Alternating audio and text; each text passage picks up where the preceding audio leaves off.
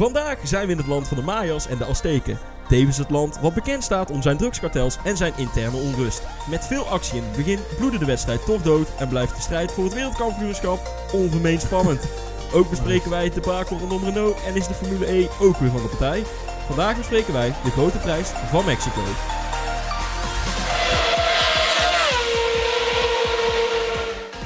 Bij de Nederlandstalige Formule 1 podcast voor liefhebbers door liefhebbers. Waar wij terugkijken op de race van afgelopen weekend en we ook het nieuws van de dag bespreken.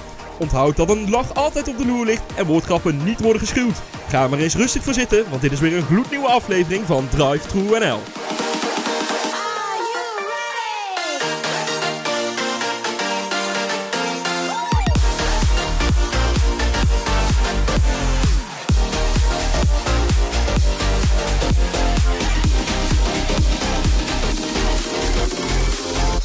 Vandaag dus in Mexico en laat dat land nu ook een heerlijke keuken hebben. Dus daarom hebben wij voor iedereen zijn eigen dipsaus uitgekozen. Met aan mijn linkerhand onze Rakel, weet bijna alles en dus ook al te vergelijken met het neusje van de zalm in podcastland. Daarmee onze delicatesse guacamole, Niels Maas. Ik- ik- heerlijke zin, ja. Dat heb je echt goed gedaan. Ja, goh, neusje van de zalm in podcastland. Ja goed, aan mijn rechterhand, degene die onze podcast vaak wel eens een pittig tintje geeft. Zo geeft hij in zijn column soms de nodige pittige klappen. En daarmee onze salsa saus, Lucas Paulides. Maar waar komt de uitspraak neusje van de zalm nou precies vandaan? Want het is... Nou. Ik, heb, ik heb een zat zalm eh, inmiddels... eh, Daar eh, stuur ik hem dan toch door naar Niels. Want Niels is altijd van de metaforen bij ons. Zo, ja, die was goed. Ja, dat klopt, ja. Ik kan me een zin herinneren waarmee je er drie in stopt. En dat was echt, dat was echt prachtig. en dat is zoals wij wel eens twijfelen waar hij het over heeft. Ja. Ja. En onze host kan soms heel veel zeuren. Als er iets misgaat, en is vaak een beetje een zure. Daarmee onze zure room. En verder zo scherp als altijd, Jelle van Dongen. Ja, ja.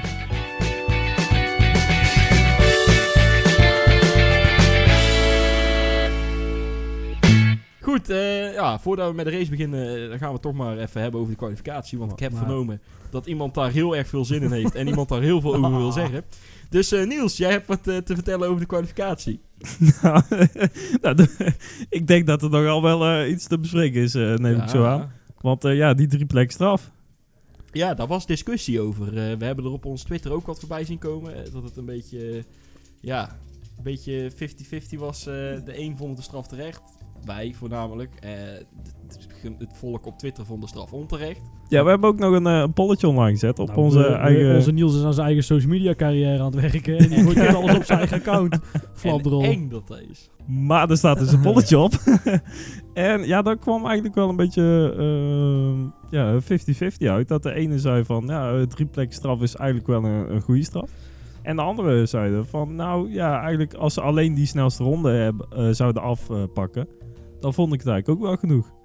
En ja, dus Ja, iedereen was er wel is? over eens dat hij Ja. een straf verdiende. Maar het is net zoiets van, dat is maar net aan wie het is. Kijk, had Leclerc het gedaan, dan hadden heel veel mensen heel hard geroepen dat hij stra- meer strafpunten had moeten krijgen of zo. Of weet ik veel wat.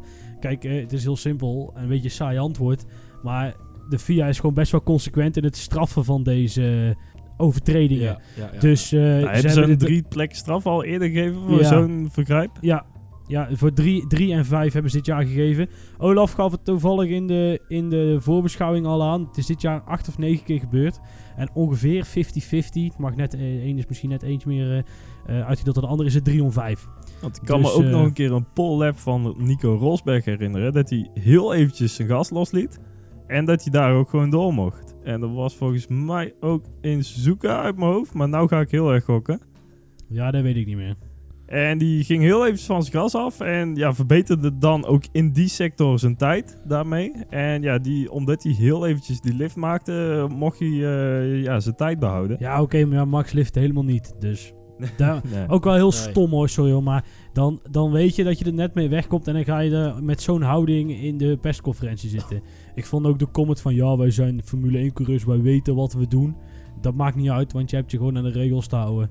Er zijn mensen die hebben jarenlang hun, eh, hun eh, rijbewijs. En die, eh, die maken ook nog steeds stomme fouten. Dus Ja, Weet je. ja, ja, ja. Ja, en verder oliedom, omdat hij... Hij was al de laatste die eh, een ronde neer kon zetten, of een tijd neer kon zetten nog. En hij had appel, want ja, iedereen was gecrashed en hij wist er ook van. Nou, trouwens, ik heb nog even teruggekeken hè, tijdens eh, Formule 1 TV of eh, F1 TV van eh, of dat hij nog eh, gewaarschuwd werd over de boordradio. Maar daar hebben ze niks tegen hem gezegd dat er in die late sector dus Bottas gecrashed was. Ja, ik denk dat het een kort dag was of zo. Maar het duurde ook heel lang voordat de FIA op beeld liet zien dat ze een gele vlag had. Was iedereen al over de finish en toen pas vlagden ze sector 3 eh, een gele vlag. Ja, op Dat de borden hebben ze het dus ook niet laten zien. Ja, daarna waarschijnlijk pas. Ja, Alsof ze Ja. bij de minisector alleen de Marshall laten vlaggen. Maar blijkbaar was er vrij dus ook bijzonder. een, eh, een eh, componentje in de auto van Bottas. Die was kapot gegaan, eh, een soort elektronica systeempje. eh, die dan eh, ook weer het waarschuwingslampje op de dashboards van ja, eh, de heren coureurs die erachter zitten eh, aan eh, zou laten gaan. En dat was dus ook kapot gegaan. En daarom hebben ze die waarschuwing dan ook weer niet Oké, gekregen. zo. dat zou wel dan een beetje in, in het voordeel spreken van Max. Maar ja, hij was zo duidelijk in zijn comments na de race van ja, ik heb het gewoon Ja. gezien. Maar goed, Ja. eh, laten we bij het begin beginnen. Het is natuurlijk een vrij bijzondere crash. Eh, Zo. maar ook hoe de, vooral de afloop van de crash was vrij, eh, vrij bijzonder. Oh, nee, nee in Nee, ieder geval dat hij... ja. Nee, dat hij, kijk, wat hij, er komt de ene laatste bocht, slash laatste bocht, komt Ja. hij in. Heeft wat overstuur, vangt hem op, maar is dan al iets te ver naar links. Eh doet het dan eh, nog een keer. En zit dan eigenlijk met zijn één wiel over de curb, waardoor hij hem eh, met op het gas gaan weer verliest. Omdat hij, ja, de, de, het, is dan, het asfalt is nou eenmaal vuiler daar. En hij glijdt eigenlijk links de, de barrier in. En als je een normale IndyCar barrier zou hebben, zeg maar, dus die hem uit een bocht gewoon rechtdoor loopt, dan was er eigenlijk niks aan de hand. Alleen de, de Tech Pro barrier die aan die zijkant stond, zeg maar, die hield ergens op.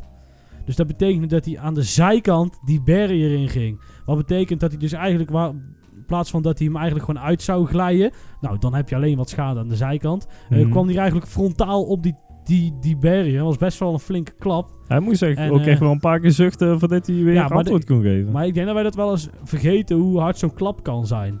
Dus eh, daarin, daarin was het echt even oenk. Ja, en daar, dat, was een beetje ongelukkig gedaan, natuurlijk, met die Ja. barrier. Oké, eh, nou, we hebben dan eh, iets met Max in de kwalificatie. En dan even door naar de race. Bij de start ging het ook niet helemaal goed. Het was eigenlijk eh, ja, gelijk gedaan. Het, was een soort clash met Hamilton, want allebei overstuurd. Ja, het zag er een beetje raar uit. Ook hij, hij zat een beetje opgesloten ook aan de binnenkant. En ja, Hamilton die kon dan best wel laat nog remmen. Omdat ja, Max zat er al ruim voor. eh, voor het ingaan van de eerste bocht. Wat mij op zich nog best wel verbaasde. Maar ik denk van, nou, Ferrari, die zijn met z'n tweetjes gevlogen.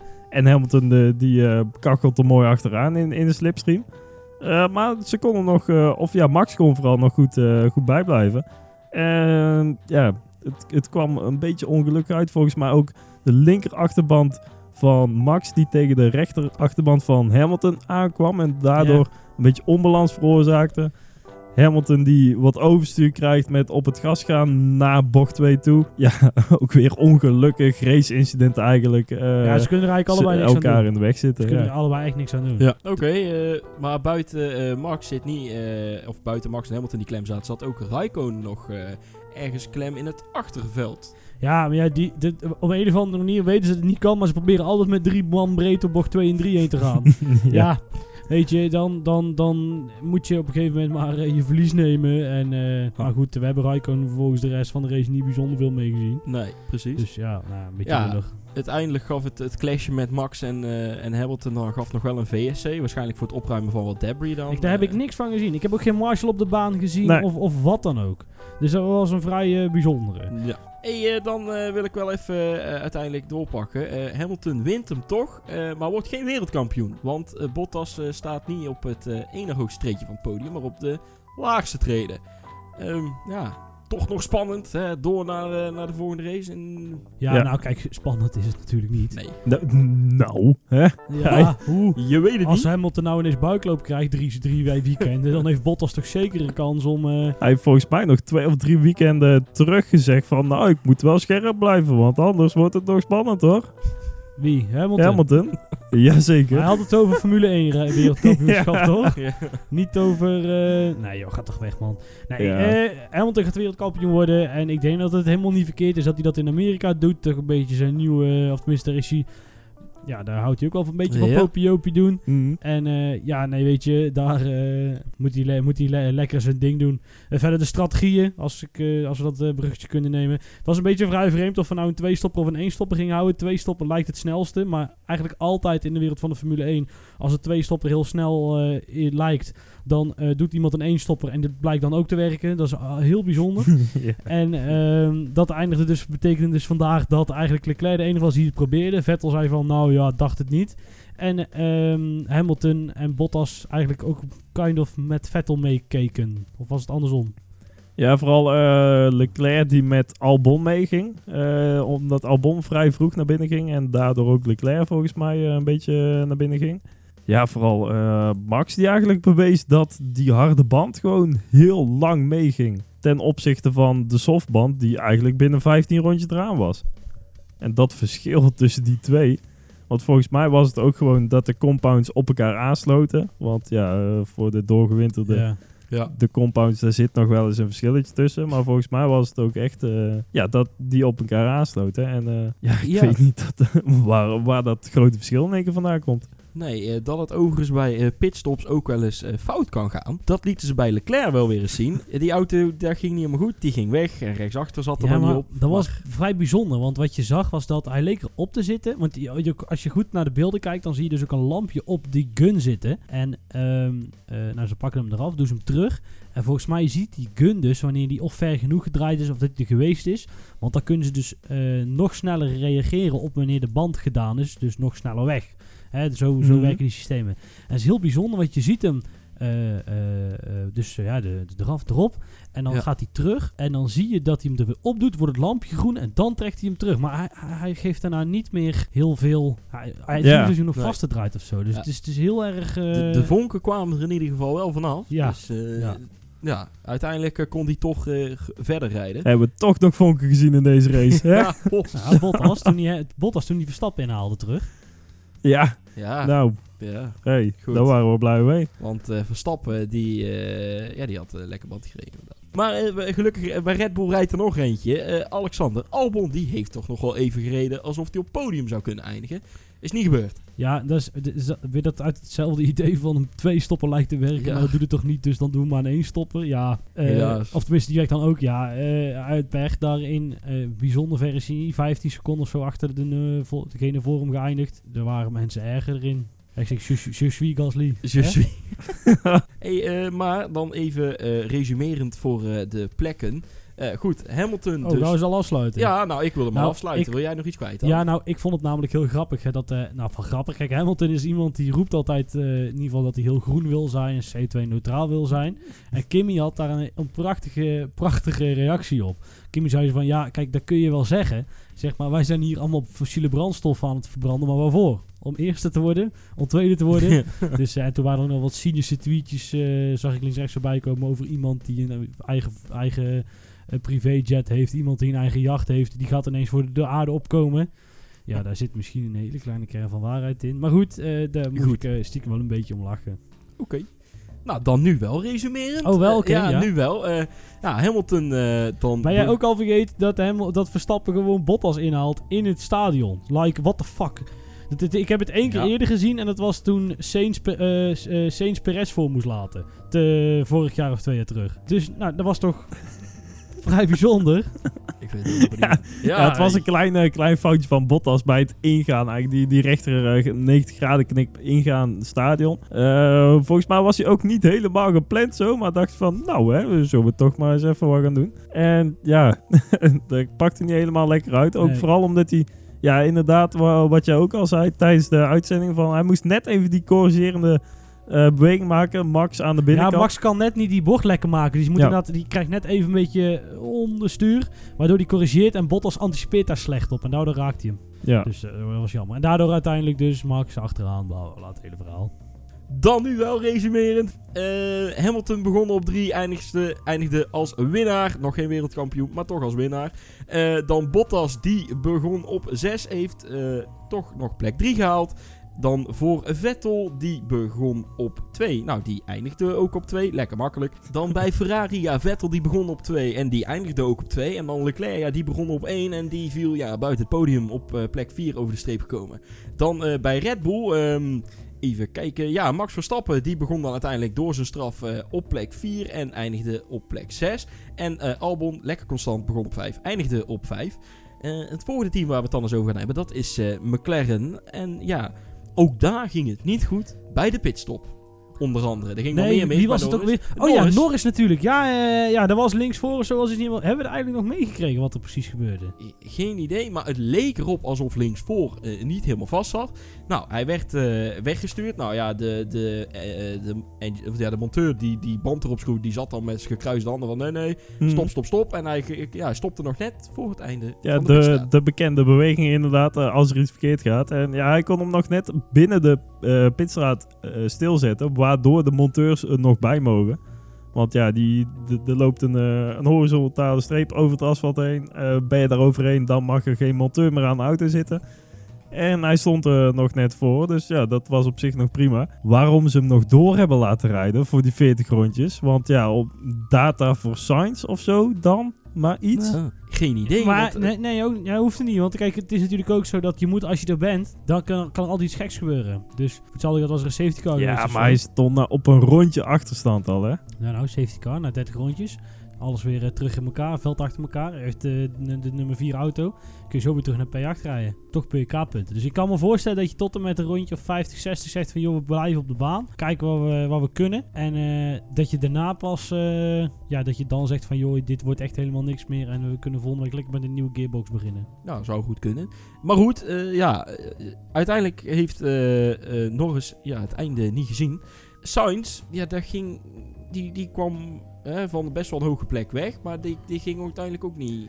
Ja, eigenlijk omdat door die Q2-regel waarin eh, de top 10 op de band moet starten uit Q2. eh, er zijn altijd de vier, in dit geval eh, dus 7, 8, 9 en 10. In dit geval de, de McLaren's en de Toro Rosso's, die Ja. moesten op de zachte band beginnen.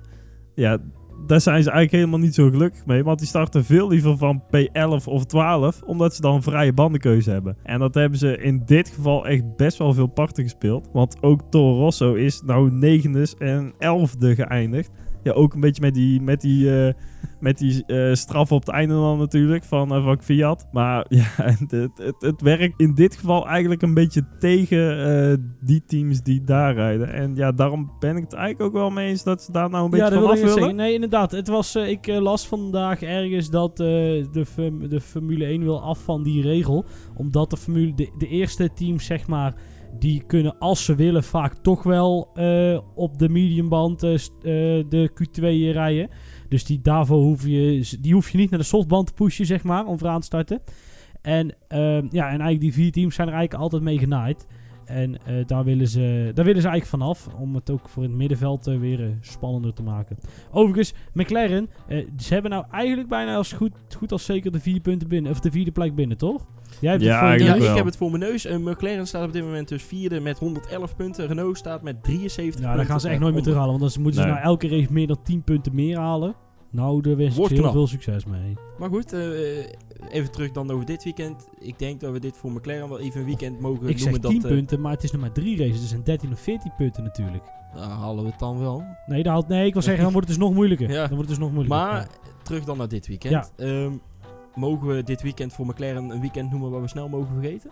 Nou, eigenlijk ging het nog best goed. Zeker gezien eh, de, eh, hoe heet het, de, de, de training op vrijdag. Want daar zaten ze echt gewoon helemaal niet bij. En dat, dat verbaast me Nee, best wel. ja. Omdat die ja, meestal op de rechte stukken gaan die McLaren's nog best wel lekker. Eh, maar nou was het gewoon echt ja, gewoon helemaal niks. Ik, eh, ik weet ook niet waar het aan lag. En misschien hebben ze nog iets gevonden eh, in, de, in de setup of zo. Afstelling dat ze ja, net even een tandje meer links of rechts. En dat het nog iets eh, geholpen heeft. Maar in de race, eh, de race pace zelf zag er op zich nog wel prima Ja, uit. iedereen had dat wel. Hè. Kijk, de degradatie was ook... Zoals Max ook eh, in een interview zei, de degradatie was wat minder slecht dan... of ja, minder dus. Dus Ja, ja, dan verwacht. Dus vandaar dat iedereen er beter op... Meer, meer ruimte over had. Oei, oei, oei. De degradatie was beter. Beter, ja. Beter. Oké. Red ik het het. Nee, slechter toch? Nee, ja, De nee, degradatie was toch slechter? dat was positiever. Jongens, dit is net zo logisch. dit is net zo logisch en betrouwbaar. Anders vragen we hoop Nou, in nee, toen nee. om het uit te Nee. leggen binnen 10 seconden. Net als Maar- bij Ziggo. Dit is net zo... dat snapt ook niemand iets van. Dit is net zo logisch als, en betrouwbaar als dat, bandengrafiekje als dat bandenpercentage grafiekje waar ze altijd laten zien van zoveel procent Ja. heeft hij erover. Ja, Ja, maar Jelle, mijn oma van 92, die moet het ook snappen, hè? Nee, nee, nee, nee, nee, wacht. Nee, we, gingen, we gaan geen Nee, maken. ja. Hebben we toegegeven, want het is echt Sorry. Het was vrijdag, het Formule 1 café was weer om te janken. Werkelijk waar, als je het woord strategie al noemt, vinden ze zichzelf al een college in plaats van een café op Twitter. Het was verschrikkelijk. En dan moet de oma van Robert Kalpers moet het blijkbaar ook begrijpen. Ja. Nou, Hey, eh, willen we nog wel kwijt over McLaren dan verder? Ik Nee. denk het niet, hè? Nee, laten we het daar maar op houden. Nou, resumerend dan voor eh, McLaren. Ja, Norris die eh, is dus begonnen van plek 8. Die heeft het einde ja, niet gehaald. In ieder geval niet rijdend in zijn auto. En ehm, ja, Sainz is ver, heel, heel, heel ver gezakt. Die begon op 7 en die is op 13 geëindigd. Dat ging niet goed. Hey, dan het volgende team. ja... Ze nee, staan gelijk. Nou ja, het volgende team die staat niet gelijk, sorry. Het, dat is dan Renault. Ehm, ja, Renault dat ging eh, eigenlijk wel prima. Ricciardo er heel lang door op de harde band. Maar ik wil het eigenlijk eerst even over Hulkenberg hebben. Dat ging allemaal wel goed. Tot de laatste ronde dat hij denkt... hey, wacht eens even. Daar zag ik Fiat en die denkt... ik heb nog niemand geraakt vandaag. En het is een beetje een saaie race. Dus ik tik nog even, even de Hulk even aan. Nee, ja, hij verdedigde de laatste bocht. En eh, ja, Hulkenberg zat daar. Die had er eigenlijk nooit moeten zitten, want je kunt daar niet inhalen. Ook niet als je Max Verstappen heet. eh, als je Tim Coronel als je luistert. En ehm, ja, de, dus daar kan je niet een beetje een onmogelijke plek om daarin te halen. En eh, nee, wacht, ik Fiat zat aan de binnenkant. Ja, Ja. ik zit nou echt alles om te draaien. Goed verhaal. Oké, ik Fiat als je luistert. Dus domme plek om in te halen. Daar op de... Op, eh, ja, goed. Hé, hey, maar eh, Ricciardo dan, die heeft heel, heel, heel lang gereden op die harde band. ja, maar hij was ook heel, heel, heel boos na de kwalificatie. Zo. Maar ik, ik snap Ja. nog steeds niet precies waarom. Nou ja, Ja. ik heb van mensen voorbij zien komen. Vorig jaar sta je hier op P1 en nu sta je ergens op. Waar stond hij? Ja, P heel veel. Ik kon niet vervelend doen, maar heeft hij toch al eh, die, eh, wat is het, 17 races hiervoor, heeft hij er ook last van gehad. Dat hij toch Ja. wel eventjes netjes achter de, eh, weet je, achter de rest zat. Dus eh, ik, nee, ja, hij had een van het verhaal over bij Will Buxton van, ja, nee, en we hadden echt setups gedaan en het kon van mijn kant beter en we hadden Q3 kunnen halen en... Maar goed, nou, ah, de race pace zoals je, die was echt goed. Want hij heeft met, inderdaad met die hards na 40 rondjes, of eh, bijna 50 rondjes, echt goed volgehouden. Toen Dus, maakte hij het nog even spannend. Bij eh, bocht 2-3. Dat hij nog even... even ja, toen was hij al, reed hij al op nieuwe bandjes. Ah, ja, toen reed ja. hij al op de mediums. En eh, ja, inderdaad, eh, lekker diep inremmen. Ook iets te laat. Ja, toen mocht hij recht over het gras. Hè? Over de, de Hamiltonlaan. Hey, eh, ik wil eh, eigenlijk eh, ons Toro Rosso er gelijk even, even mee bijpakken. Dan had ik Fiat. Die krijgt dus voor dat tikkie of eh, op dat plekje zitten, krijgt hij 10 seconden uiteindelijk nog voor. En ja, Ja, tikkie, tikkie. Hulkenberg was hele achtervleugel kwijt. Weliswaar door de muur, maar... ik wil zeggen door de muur, maar oké. Eh, ja, en Gasly. Hebben we- die hebben we ook niet veel gezien, hè? Nou, die hebben even een inhaalpoging eh, proberen in te zetten bij Sainz. Ja, ik was net nachos halen. ja, Nou, Mexico, hè? hij zat er al een autolengte voor. En toen kon Sainz hem gewoon er nog steeds uitremmen. Ook al eh, ja, zat hij er dus al voor. En het sloeg weer helemaal nergens op. Hij was weer helemaal terug in zijn Red Bull tijd Ja? wat dat betreft. Het was net eventjes van, eh, nou hey, bij Toro Rosso heeft hij zijn eh, vorm weer hervonden. Maar nee hoor, Toch daar was onze eigen ja, Fiat weer. Of Gasly. Gasly, ja, onze Fransman.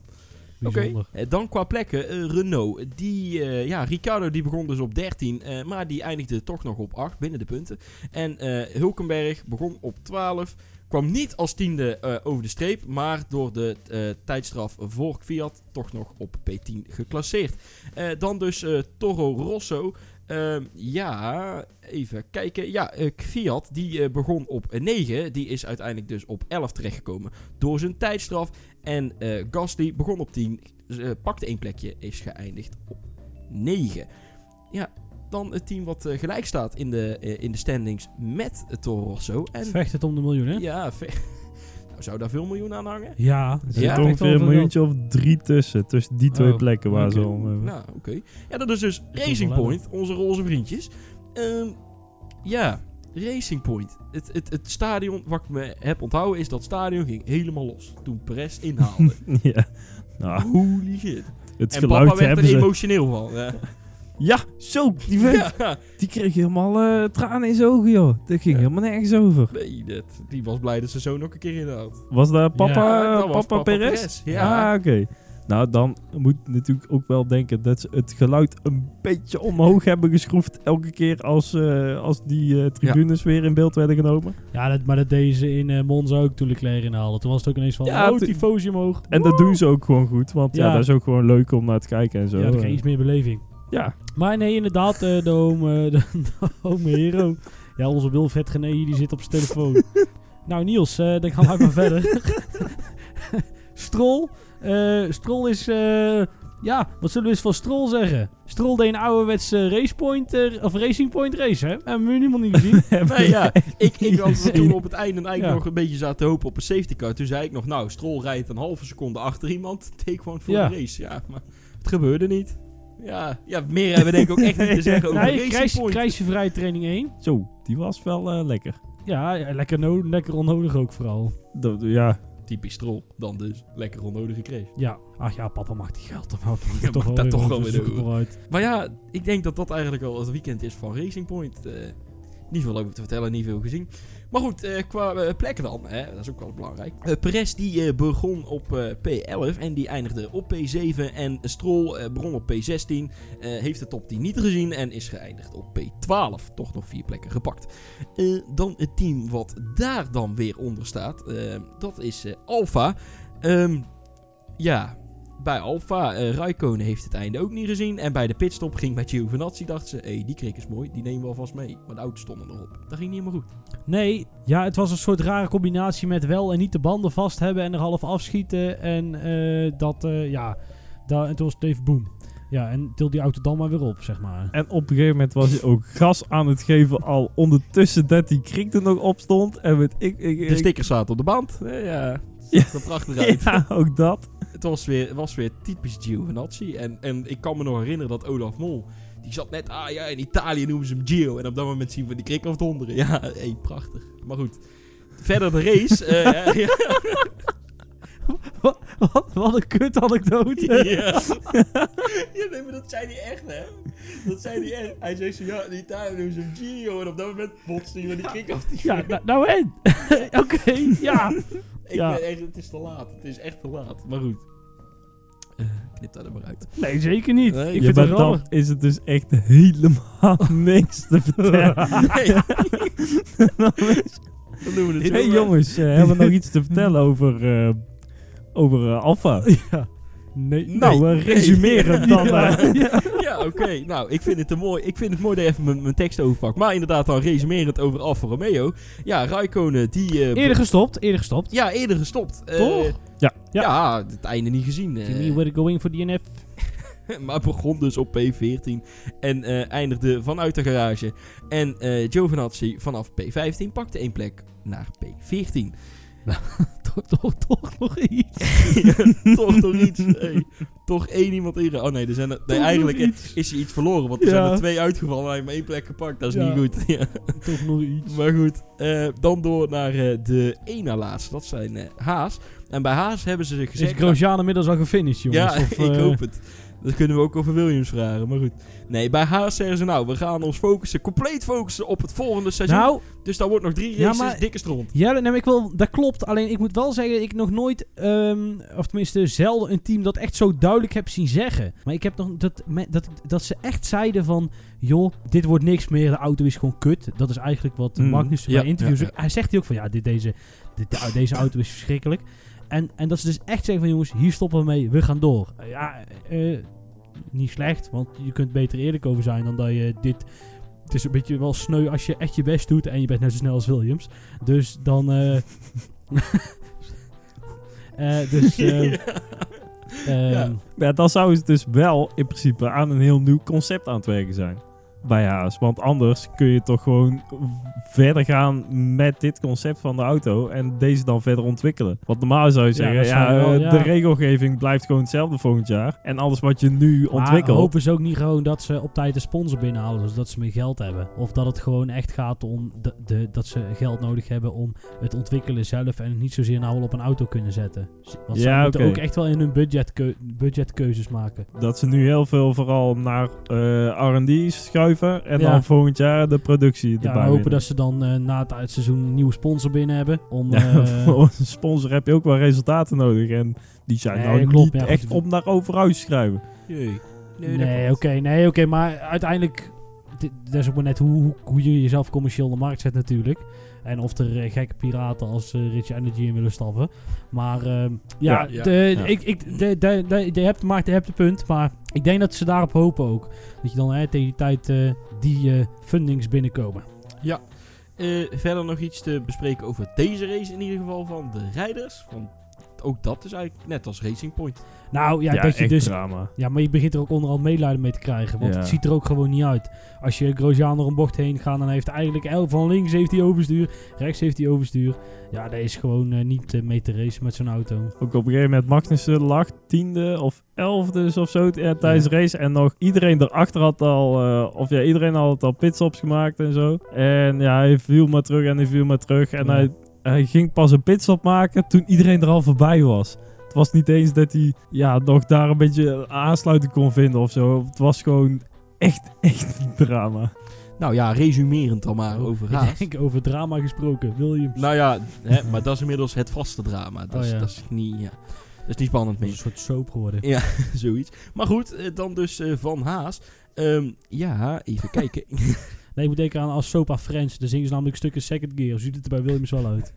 Goed, Magnussen eh, begon dus op 17, eindigde op 15. En eh Grosjean begon op 18, eindigde op 17. Nou ja, dan de hekkensluiter inderdaad, eh, Williams. Ehm, ja, die twee hè, die gingen nog even in gevecht met elkaar. Ja, nee, George Russell was aan het slapen en voor je het wist was Kubica er voorbij, toch? Of was het andersom?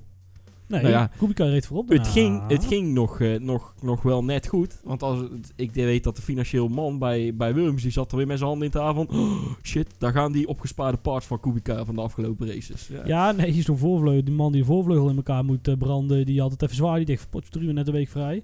Weet je wel? Maar nee, dat ging net goed. Ja, eh, heel kinderachtig om daar in elkaar te rijden als je toch helemaal nergens meer om rijdt. Ja, dat. Eh, maar voor de rest, ja, het, je kunt zeggen van Haas, het is verschrikkelijk dat ze met Williams in gevecht zijn. Maar het is aan de andere kant ook wel weer goed voor Williams dat ze weer met iemand anders in gevecht zijn. Ja, het is ook een keer leuk voor Williams, dat is een keer hè, met iemand. Dus Ha- Haas is een beetje de gehandicapte beleider van de Formule 1, Formule 1 of zo. Of, Zoiets. eh, begeleider. Kun- kunnen we dat zeggen? Ja, dat moet wel kunnen. Kan nog net. Wel ja, toch. Ja, joh. Maar inderdaad, het is voor Williams wel weer een keer leuk dat ze ook eens een keer met iemand Ja, ik hoop ook echt dat het ze volgend jaar echt wel dichterbij zitten. Want anders dan wordt het wel heel troosteloos. Ze zijn eigenlijk al twee jaar achteraan. En eh, ja, je kunt bij Sauber zien dat het niet altijd eh, slecht hoeft te zijn. Alleen dat je heel veel geld nodig hebt. Ja, dan dus eh, ik, even kijken. Kubica die begon op, op P20, zoals elke week eigenlijk. En die eindigde op P18. Eh, dat is niet elke week zo, maar goed. En dan Russell die begon op P19 en die eindigde op P16. Ja. Toch nog boven een andere coureur die niet zijn teamgenoot is. is ook wel eens een keer fijn. En daarmee zit eigenlijk eh, de race. eh, Ja, ik kan nog... eh, Meningje nog over de race zelf? Het was in het begin heel spannend en daarna was het echt Ja, heel ik, saai. ik vond het vooral jammer dat het uiteindelijk niet ontvlamde zoals we hoopten dat het zou ontvlammen. En eh, eh, zoals inderdaad de man op het einde die kort op elkaar zaten. Eigenlijk heeft de link Fiat nog inderdaad eh, voor eh, spanning gezorgd. In de la- of iets, iets van enthousiasme gezorgd in de laatste ronde. En verder... eh, Ja, want de potentie was er op zich wel. Met, met de verschillende strategieën die dan op het einde bij elkaar Ja. zouden komen. Vooral eh, ja, bij de top 4 dan, om het zo maar te zeggen. Ja, echt eh, die bij elkaar eh, zouden komen in principe. En dat werd dan ook allemaal heel breed uitgemeten van... Oh, striking distance in six laps. Nou, dat hebben we gezien. Ja, het, ja, het, Ja. het bloedt een beetje dood. Ja, precies. Maar we hebben wel een magistrale podiumscène gehad. We hebben echt... ik, heb, ik kwam niet meer bij van het lachen. Ja, ja, we waren helemaal te kwijt. En toen kwam hij in één keer poep, Ja. ja. omhoog. Ja. Ik denk dat al. Ik vind het...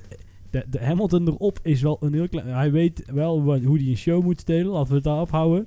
Maar het, het- die auto omhoog vind ik wel een gaaf hoor. Dat je dan die, die... Nou, voor mij had het niet gehoeven. Nou, ik vond het wel leuk. Ja, ik vind het wel leuk dat ze in Mexico in ieder geval iets proberen. Het is toch altijd wel wat. ja, dan komt Chesto draaien voor een publiek wat Chesto helemaal niet kent. Dat is En, da- en daar zenden we dan niet uit, want eh, Nee, dat moet je ook Knip. niet uitzenden, want Ja. dan kijkt toch niemand meer. Nee, maar de Chesto moet lekker draaien op Ultra Miami en weet ik veel waar die gasten allemaal draaien. De prachtige festivals. Maar het slaat een beetje dood. Hey, eh, dan is het tijd voor de Fantasy League. Ja, ja, daar gaan we weer.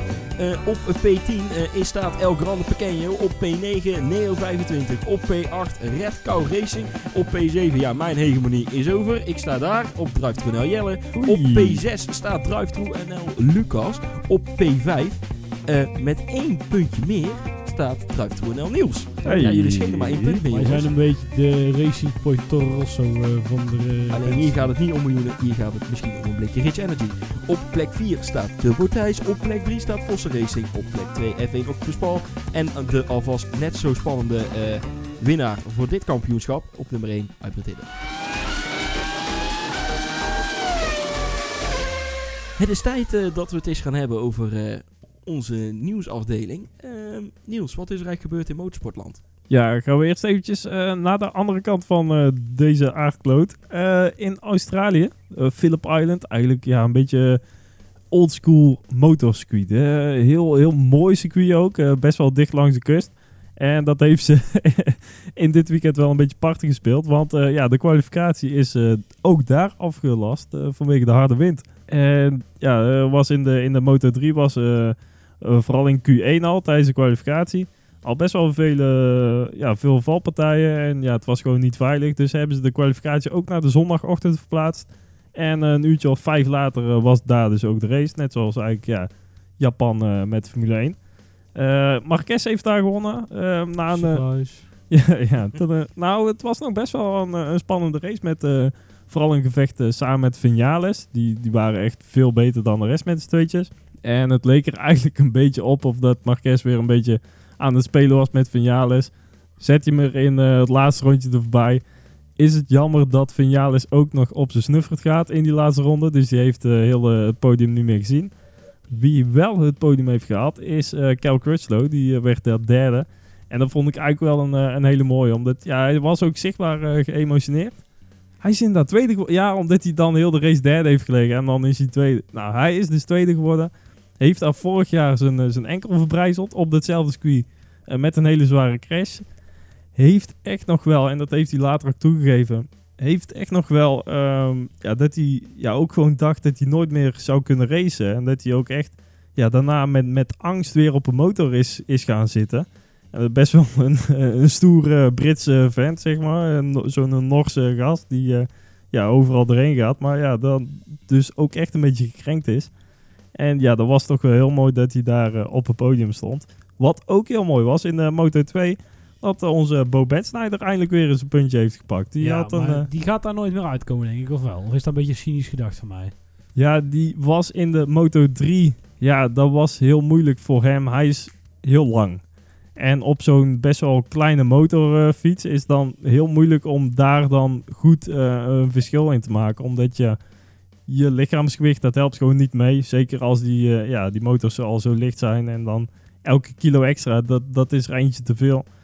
En daar heeft hij in de Moto 2 ook een beetje last van. Eh daar moet ik ook wel bij zeggen dat zijn, zijn team zelf ook niet echt alles is. En ook zijn, ehm, eh, zijn topsnelheid bijvoorbeeld. Hij kon niemand inhalen op het rechtstuk daar. Dus ja, het, het helpt hem allemaal niet mee. Maar om nou te zeggen dat hij zelf hele goede races aflegt, ook, ook in de kwalificatie. Ja, dat, zijn teamgenoot eh, bijvoorbeeld, in, eh, in eh, de helft ongeveer van de races die hij zelf heeft gereden dit seizoen, heeft al bijna net zoveel punten gehaald. En ja, dan, dan klopt het toch net niet helemaal. Ja, daarom. Maar ik, ik, ik, ik, hoop natuurlijk het beste voor die jongen. Daar- gaat het mij niet om. Maar ja, het zou toch... Je hoopt toch ja, dat hij eh, wat puntjes eh, pakt. Nee, MotoGP eh, kan nog wel eens lastig worden voor hem. Eh, dan gaan we weer eventjes terug naar eh, Suzuka. Want eh de reed de WTCR. ook waar eh, ja, onder andere onze Tom Coronel eh, in rijdt. En ook Nick Katsburg, een Nederlander, eh, die rijdt daar ook in. En die eh, ja, dus teamgenoot met eh, Norbert Michelic. En die mocht uh, Michelic voorbij om dan Prio aan te vallen. Want Prio die is dan weer met Mislic in het gevecht voor het kampioenschap. Ja, snap hem nog? Ja. soort van. Ja. Dat was dus een rondje later. eh, ja, Kansburg die eh, dus eh, Prio in wil halen. Rijdt hem van de baan af in de eerste bocht. Nice. nou, aan Ja. de ene kant, ja, Kansburg zei, ja, hij remde 50 meter eerder. Eh, Prio eh, beschuldigde hem van eh, onpositief eh, rijgedrag. Nou, eh, op een gegeven moment stond Prio ook met middelvingers opgestoken langs de baan toen hij weer langskwam. eh, het Prachtig. volgende rondje. Prachtig. Ja, prachtig. Mooi man. Dat was echt ja, lekker puur inderdaad. Schitterend om te zien. Nou, ook eh, nog een flink staartje gekregen achteraf na de race. Want ja, eh, het waren heet gebakerde momentjes, om het zo maar even te zeggen. Oké. Dus ja, dat wa- was gewoon weer leuk om te zien. Voor de rest, ik zou niet eens weten wie er gewonnen heeft. Nou, volgens mij nog Langeveld, ook een Nederlander. Hey. In, in de race 1. Oké. Hè. Formule 1, nou van de week waren vorige week of afgelopen week waren de tests, dus alle teams moesten hun eh, line-up eh, klaar hebben. Dat betekent dat Oliver Turvey en Moaking... Oh, Ma Chingwa. Maar King Ik had het- ja. ja. wat? Ma. King. Making Hwa? Ja, Ma King. Gezondheid. Ja. Eh, gaat rijden voor NIO 333. Eh, en bij Mahindra blijven Gerom. eh Gerom. D'Ambrosio. Nee, Jerome, Jerome Ja. D'Ambrosio. En Niels' grote vriend Pascal Wehrlein. Nou, En hiermee is dus de complete line-up bekend. Dan eigenlijk ja, het grote item eh, van deze week voor de nieuwsredactie. Het debakel rondom Renault. Want na Japan dacht Racing Point, ja hou eens even, daar is hij niet helemaal technisch in orde bij, eh, bij Renault. En dus die gingen eh, in protest bij de FIA en Renault moest stuur en software inleveren daar. Het ging niet helemaal goed. Niels, jij hebt daar een mooie tijdlijn van gemaakt. Ja, inderdaad. Want er is nogal wat gebeurd en geroepen en ook gezegd en heel veel gespeculeerd. Maar eigenlijk ja, wisten er maar heel weinig ook precies wat er nou echt aan de hand was. Want ja, onze clickbait sites die eh, vlogen er weer volle bak op. Ja, Eh, maar ja, in, in principe is eh, Renault op, eh, op woensdag na, of ja, tussen Japan en nou Mexico in gedisqualificeerd. En die hebben nog tot donderdag de tijd gehad om in beroep te gaan. Nou, vonden ze bij Renault dat ze eigenlijk wel gelijk hadden. En dat ze ook in de recht stonden om niet gedisqualificeerd te worden. Maar zijn ze niet in beroep gegaan. Nou, dan gaat bij mij al een beetje mis, zeg maar. Ja, dat is zo'n gevalletje van wat kun je ermee winnen en wat kun je ermee verliezen. En wat kun je ermee winnen zijn het maar een paar punten, want je haalt McLaren toch niet meer in. En wat kun je ermee verliezen? Dat ze misschien achter veel meer dingen komen en besluiten van ja, maar wacht even, dan heb je het al die andere races ook gebruikt. Dus die punten pakken we ook af. Ja, maar dat dat, Renault- mag dus niet. Maar dat weet ik niet. Ik denk dat Renault heel blij is dat, ze, dat, dit, het- dat dit het was, zeg maar. Ja, oké, maar als je zo overtuigd bent dat je systeem legaal is. Dan ga je inderdaad, ik snap Niels' punt wel. Als je er zo van overtuigd bent van je punt, dan ga je toch in beroep of niet? Want Eh, ook het, het ja. verschil nou met, met Toro Rosso en Racing Point, die kunnen er echt allebei nog wel overheen gaan als het een beetje verkeerd loopt voor Renault. Nee, ik, ben, ik, ik, ik, ik snap het wel. Alleen, ehm, je ziet het bij het voetballen ook vaak. Hè? Dan wordt er een rode, de rode kaart uitgedeeld en willen clubs wel in beroep. Maar ja, dan gaan er weer andere mensen naar kijken. Die kijken veel meer naar de regeltjes zelf. In plaats van het emotie of het gevoel of het spel erachter. En dan kun je eindigen soms op een hogere straf. En dit ruikt er ook een beetje naar. Maar misschien is het wel zo dat ze heel blij zijn dat ze niet meer ontdekt hebben. Dat zou ook nog kunnen, hè? Dus even ze tekenen een beroep aan. Dan gaan ze dus nog een keer onderzoeken, verder onderzoeken. Het kan zomaar de andere kant op gaan. Want het is ook een op het randje systeem. Want het, is vrij bijzonder. Kijk, er is toch besloten dat het niet mag. Maar, Mhm. maar goed. In ieder geval, het, gerucht, eh, het raarste gerucht vond ik dat eh Racing Point dan een of andere helmet cam gebruikt zou hebben uit fucking Barcelona testen. In, eh, wanneer was dat? Februari of zo. Ja, Nou, we leven inmiddels in oktober, dus een maand of acht terug. Nou, daar slaat natuurlijk helemaal nergens op. Wat er echt gebeurd is, en dat is natuurlijk ook voorbij gekomen, is dat er een monteur is overgestapt van, Racing, van Renault naar Racing Point. En die dacht van, joh, gebruiken jullie dit niet? Nou, daar komt het vandaan. Ja, maar mij lijkt dan toch ook als ze dat als bewijs aanleveren en ook die monteur. Waarom kom je daar nu pas mee op bij Japan en had je daar niet al veel eerder aangegeven? Z- Ja. ja, zouden ze niet gedacht hebben van, joh, dan, krijgen ze, dan, dan heeft het meer terugwerkende kracht. En daarmee kunnen we ze nog meer punten afsnoepen of zo. Zou dat nog iets kunnen zijn? Of... ja geen idee. Geen idee. Eh, ja, eh, Renault is nu 9 punten kwijtgeraakt eh in Japan. En Racing Point heeft er zelf vier bij gekregen. Ja, een verschil van 13 tussen elkaar. Dat is op zich best wel veel, vind ik. Ehm, dus op zich is dit wel een, een goed moment voor Racing Point om dit zo, eh, ja, deze straf aan te kaarten. Eh, maar ja, voor de rest, ja, het, het, het- het klopt ook allemaal niet echt. Ook zo'n Grosjean die dan op zaterdag nog zegt van... Nee, in, in 2015 reden we al met zo'n systeem. Ja, en Ja, de, aan de andere kant, hoe- het, het heeft ook niet gewerkt. Want in 2015 moet ik zeggen, Lotus nog... Nou, toen gingen ze nog wel goed. Podiums gepakt. Nee, dat was twe- daarvoor. Dat was 2013 iets, toch? iets ervoor. Ja, ik met de nieuwe regels was het misgegaan. Met die dubbele, met die, met die rare neuzen is het zeg maar verkeerd Ja, gegaan. ja. Maar goed, en, en daarna is 2016 zijn ze net geen laatste geworden. Omdat godzijdank Sauber en Men, ja, Menno nog meereden. En in 2017 hebben ze eigenlijk pas een stapje gemaakt. 2018 zijn ze vierde geworden. Dus ja, Maar ook in die tussentijd, de, de, de, de- ze verschuiven zoveel met, met monteurs en met engineers Ja. tussen die teams. En er zit dan meestal wel nog een, een gardening leave, zoals dat noemen. Ga maar lekker tuinieren. Eh, want eh, ja, we, we vertellen jou gewoon helemaal niks meer voor de, de auto of de concepten waar we mee bezig zijn. Want Ja. ja, dat is allemaal geheime informatie. Ja.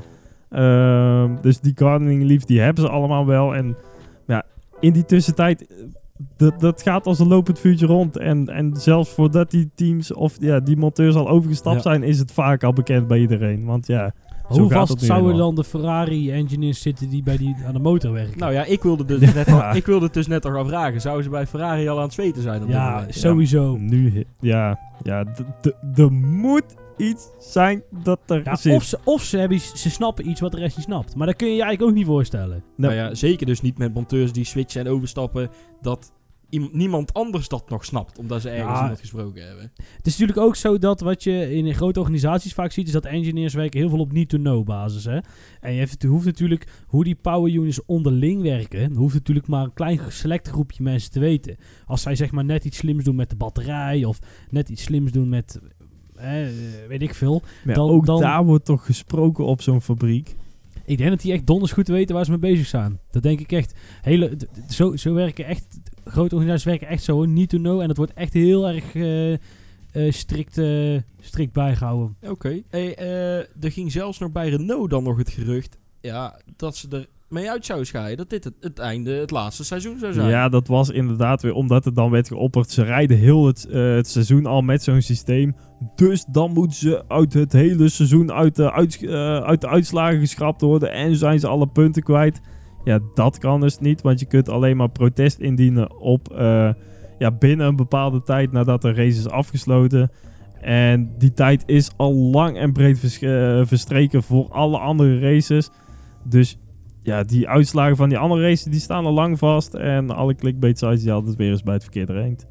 Dat hebben ze wel vaker hoor. Dus Dat hebben ze wel bij het verkeerde eind. Oké, ja, dat is eigenlijk het debakel rond Renault. Eh, ja, we gaan zien eh, of ze dit nog miljoenen gaat kosten voor plekken Nou, nee, maar wacht even. Kijk, eh, eh, het is natuurlijk wel zo dat de toekomst van Renault is en blijft altijd onzeker. Want wat Renault wil, is wereldkampioen worden met het kleinste budget. Dat wordt moeilijk. Ja, da- zolang je geen... eh, ja, dat gebeurt eh, heel weinig. Weet je, dus ja... Ja. Het is dus wel blijkbaar dat ehm, McLaren en Red Bull en Renault... die hebben een aparte afspraak weer... dat als zij twee keer achter elkaar wereldkampioen worden... dat ze dan 35 miljoen eh, pond prijzengeld extra krijgen. Nou, Red Bull is dat gelukt. McLaren ook al een keer. Alleen, ja, Renault met de- die nieuwe regels... die zijn het dan in 2005 en 6... 4 en 5? 5-6. 5, 6, die zijn dat dan ook al gelukt. Maar die afspraak die is dan weer net iets anders. Ja, dus als die nou ja. weer een keer wereldkampioen worden, dan krijgen ze in één keer 35 miljoen elk jaar per jaar extra. Ja, bijzonder. Dit zijn weer aparte regeltjes. Ja, die gaan er allemaal aan, hè? 1. Nieuwe regels. Die, dat, dat wordt helemaal... eh, heel die eh, eh, betalingsbomen... die wordt er helemaal eh, op de schop eh, genomen. En dat is maar goed ook, want die zo krom als maar zijn kan. Ja, maar ik begreep dus... Ik heb dus van de week pas gelezen op Motorsport... hoe dat precies gegaan is. En... ehm, eh, en waarom Bernie Ecclestone die afspraken met onder andere Red Bull, McLaren en Williams gemaakt heeft. En dat was eigenlijk om de FOTA, Formula One Teams Association, uit elkaar te trekken. Dus ze zijn naar Red Bull gegaan, McLaren en ook Ferrari. Die hebben gezegd van, ja, jullie zijn al zo lang. Hè, we Hmm. betalen jullie gewoon net iets meer, maar dan moet je uit die eh, Team Association. Nou, en toen hebben we eigenlijk die teams zijn stuk voor stuk allemaal gaan tekenen met die nieuwe regels. En eh, ook om Formule 1 aantrekkelijk te maken voor de verkoop. Want daar was Bernie Ecclestone wel degelijk al mee bezig. En zo heeft hij eigenlijk die association aan elkaar. Waardoor hij dus zelf weer de macht kon eh, grijpen. Meer makkelijker binnen de Formule 1. Oké, ja, nou je het even over de regels hebt, die pakken we dan maar gelijk inderdaad mee. De boel wordt allemaal uitgesteld. Want we hebben, het over, we hebben een hele lange eh, nieuwsredactie gemaakt over de regels. En hoe het Nee, allemaal dat willen ze. Maar dat gaat niet gebeuren. Oh, kijk, Nee. eh, leg Nee. even toe. Of licht toe. Nee, kijk, het, Formule 1 kan het niet maken door deze regels nog een jaar, jaar te houden. Dat zou voor Ross Brawn echt, echt gezichtsverlies betekenen. Dan zou hij eigenlijk beter op kunnen stappen. Nou, en dan, dan ben je helemaal, dan zijn, zijn helemaal de pop aan het dansen. Want hij is de man die de kaart trekt. Ja, in ieder geval het gezicht, het technische gezicht van, eh, van de nieuwe eigenaren. Eh, maar ja, inderdaad, het uitstellen van de regels. eh, ze zijn er nou al zo lang mee bezig. En ook weer alle meetings die in Parijs worden gehouden. En dan zegt eh, Christian Horner weer van... Ja, ze zijn immature, de, de nieuwe regels. Er klopt nog helemaal geen hout van. En de concepten die, die, die zijn nog helemaal niet doorberekend en alles. En de ander zegt weer, ja, er zijn weer hele, hele modellen opgesteld van, oh, het klopt allemaal helemaal precies. En 95% eh, downforce die ze nog houden als ze achter iemand rijden. En er wordt zo ontzettend veel over gezegd, maar eigenlijk weet volgens mij bijna niemand meer waar of hoe of wat nou... Het lijkt eh, Brexit wel. Zo, Af en toe. Nee, Zo, wat een verwijzing. Alleen nee, dat hier, hier gaat de 31 oktober gaat wel door. Want ehm, eh, dan komt, worden de regels sowieso bekendgemaakt. En wat, vooral topteams wilden het uitstellen. En die kwamen zelf met het argument van ja, en dan eh, worden ook de nieuwe auto's dan ontwikkeld onder het budgetcap. Vonden ze allemaal heel belangrijk. Want nu is het zo dat ze met de huidige afspraak, oftewel geen budgetcap, een hele auto kunnen ontwikkelen voor 2021. En dan, dan gaat de budgetcap al in. Dus de R&D is allemaal al gedaan. En ik Ja, veel wat voor. en dan vinden ze het ook heel leuk om daar de veiligheid in te betrekken. Ja, Want als Ja, ze in één keer 50 miljoen minder kunnen besteden, dan gaat de veiligheid eraan. Ja, want dat klinkt interessant, hè, want veiligheid staat voor alles. Dus dan hè, gooi je het maar over die boeg. Ja, ja, zoiets is dat inderdaad. nou, ik vind het vrij bijzonder. In ieder geval, eh, ze kunnen het echt niet maken om het uit te stellen. En ik denk ook niet dat dat gaat gebeuren. En eh, we gaan gewoon vanaf 2021 met hele andere auto's rijden. En hopelijk gaan we dan wel echt racen. Volgende aflevering weten we daar meer over, want Ja. dan is het 31 oktober Ja. geweest. Hey, eh, dan even door. Ehm, ja, we hebben het eh, een paar afleveringen terug, hebben we dat eens goed besproken. Dat HWA in de Formule E wordt Mercedes. Maar eigenlijk zat dat veel meer bij elkaar en dichter in elkaar dan wij zelf dachten. Want om te beginnen, HWA is eigenlijk onderdeel van Daimler. Ja, het is net alsof ehm, Porsche een auto van Volkswagen over zou nemen. Want dat is ook hetzelfde concern. Nee, dat is het. En het is een hele bijzondere re- eh, rebranding. Ja, en eh, ja, er- gebeurt er heel veel. Eigenlijk, ja, HBA is sowieso al best wel lang onderdeel een beetje van Mercedes. Vaak als klantenteam, ook in de DTM onder, al, onder andere. En ze produceren onder andere ook de, de motoren voor de Formule 3 teams. Voor sommige Formule 3 teams dan. Maar dan wel weer onder de naam van Mercedes. Ehm, en verder, ja, inderdaad dan vorig jaar eh, het proeftuintje van Mercedes in de Formule E. Ehm, en nou is dus ook bekend geworden dat eh, ja, ze zijn al vorig jaar ingestapt in de Formule 3. En nou gaan ze dus ook een, eh, een team, Arden, gaan ze overnemen. En dat wordt dus ook HWA in de Formule 2. Maar die snap ik niet helemaal.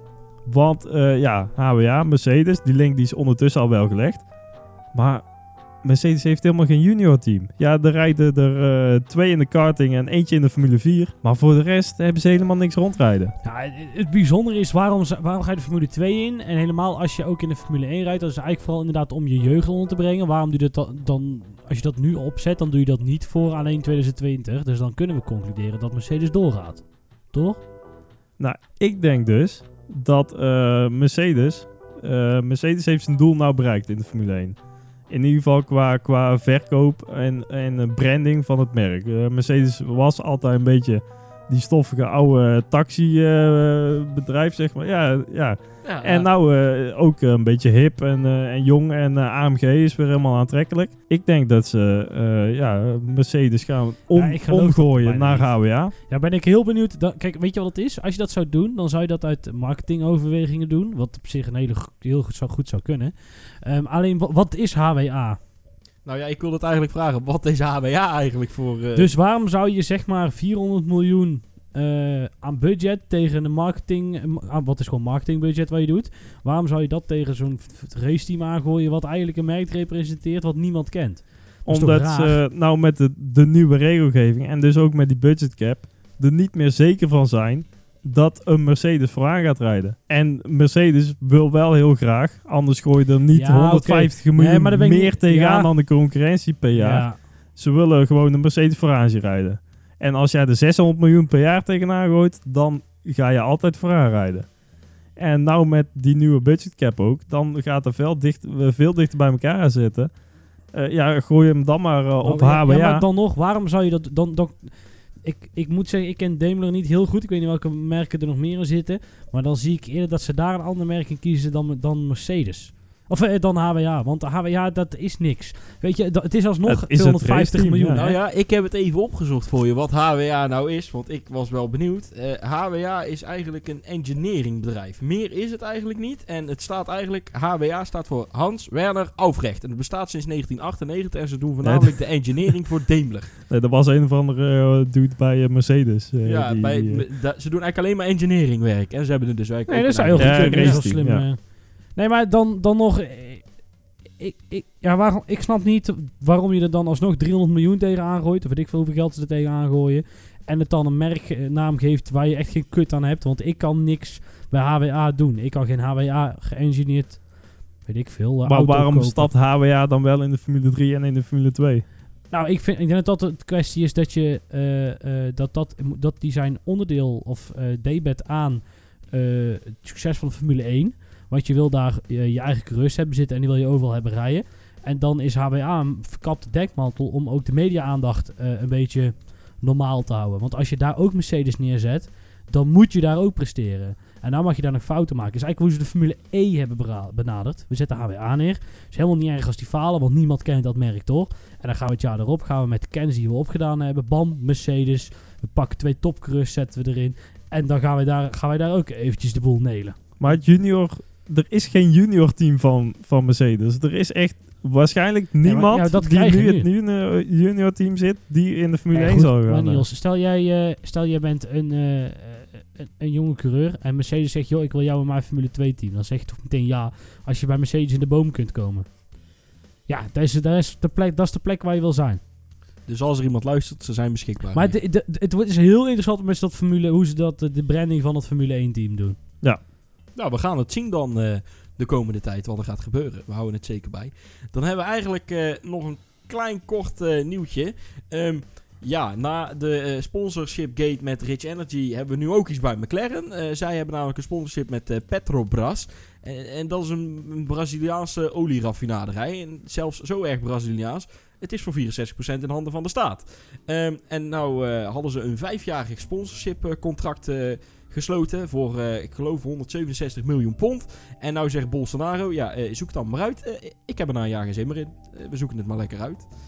Het is, weer, het is weer een mooi verhaal over sponsorships dit. Nou ja, weet je wat het is? Ik vond het vooral verrassend dat het om zo godschuwelijk veel geld ging. ja, het, Zo'n het is veel sponsordeal. geld. Nee, vooral die sponsordeal. Want ik weet dat, eh, of ik weet, ik, de geruchten die je leest over bijvoorbeeld Rocket bij Williams, dat gaat echt niet om zoveel geld. En ook Nee, eh. Rich Energy bij, op de Haas-auto, dat gaat ook niet om, Ja. om zoveel geld. Dus daar ben ik toch wel, ja, dat vind ik toch wel een flinke, flinke samen. En ook een flinke aderlating uiteindelijk ook voor, voor het bedrijf. Wat natuurlijk wel heel interessant is verder, is in wat, wat gaat Mercedes hierna doen? En hoe zag het, want als ik het goed Mercedes, begreep... McLaren denk ik. Eh, sorry, wat Ja. zei ik? Mercedes, je zei Sorry. Mercedes. Ik bedoel, nee, je zat in twee- 2018, Prebabos eh heeft voor een eh, advertising contract, nou dat zal wel een marketingcontract zijn, Ja. eh, van eh, 792 miljoen dollar met ja, ja, McLaren. Reaalse d- Ve- dollar denk ik hè. Staat er echt dollar of gewoon dollar? oh, wacht, ja. dat, zijn, dat zijn Braziliaanse dollars.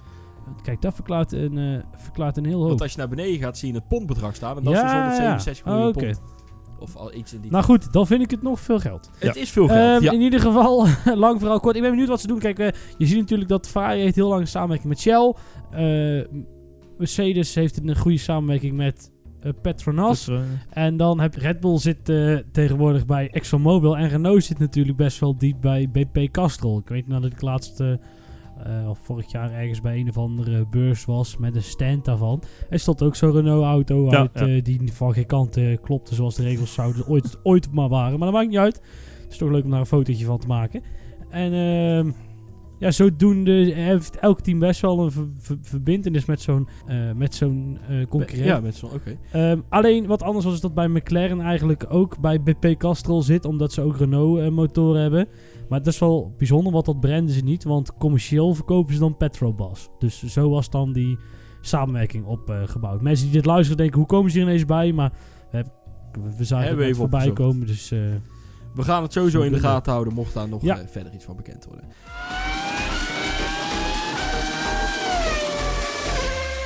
hey, dan rest ons nog twee dingen. Eerst even de persoon van de week. Niels, jij hebt geen coureur. Nee, nou, ik weet niet wie er in het pak zat.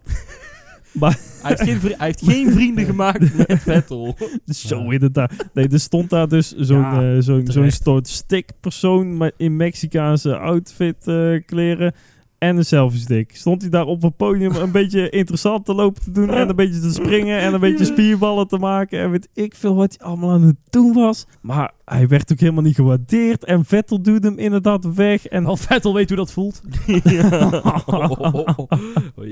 Maar eh, ja, hij probeerde daar ook nog een beetje die coureurs mee te, mee te krijgen. Van kijk nou eens alsjeblieft een keer in mijn camera. Maar ze hadden er ook gewoon helemaal geen aandacht voor. Ja. En het klopte van geen kant. En het was schitterend om te zien. Ja. Daarom mijn persoon van de week. Oké, Lucas, de jouwe? Nou, Daniel Ricciardo was ook al weg en de stick ook. Dus ik heb voor Lewis Hamilton gekozen als je zeg maar zo kansloos bent op vrijdag en zaterdag. En je wint dan alsnog de race en je bent wereldkampioen. Nog niet. Oh ja, nee, want het, was nog spa- het was nog heel spannend. Ja, Ja. Nee, nee, maar je bent eigenlijk bijna wereldkampioen. Ja, dan eh, ben je- mag je van mij persoon van de week zijn.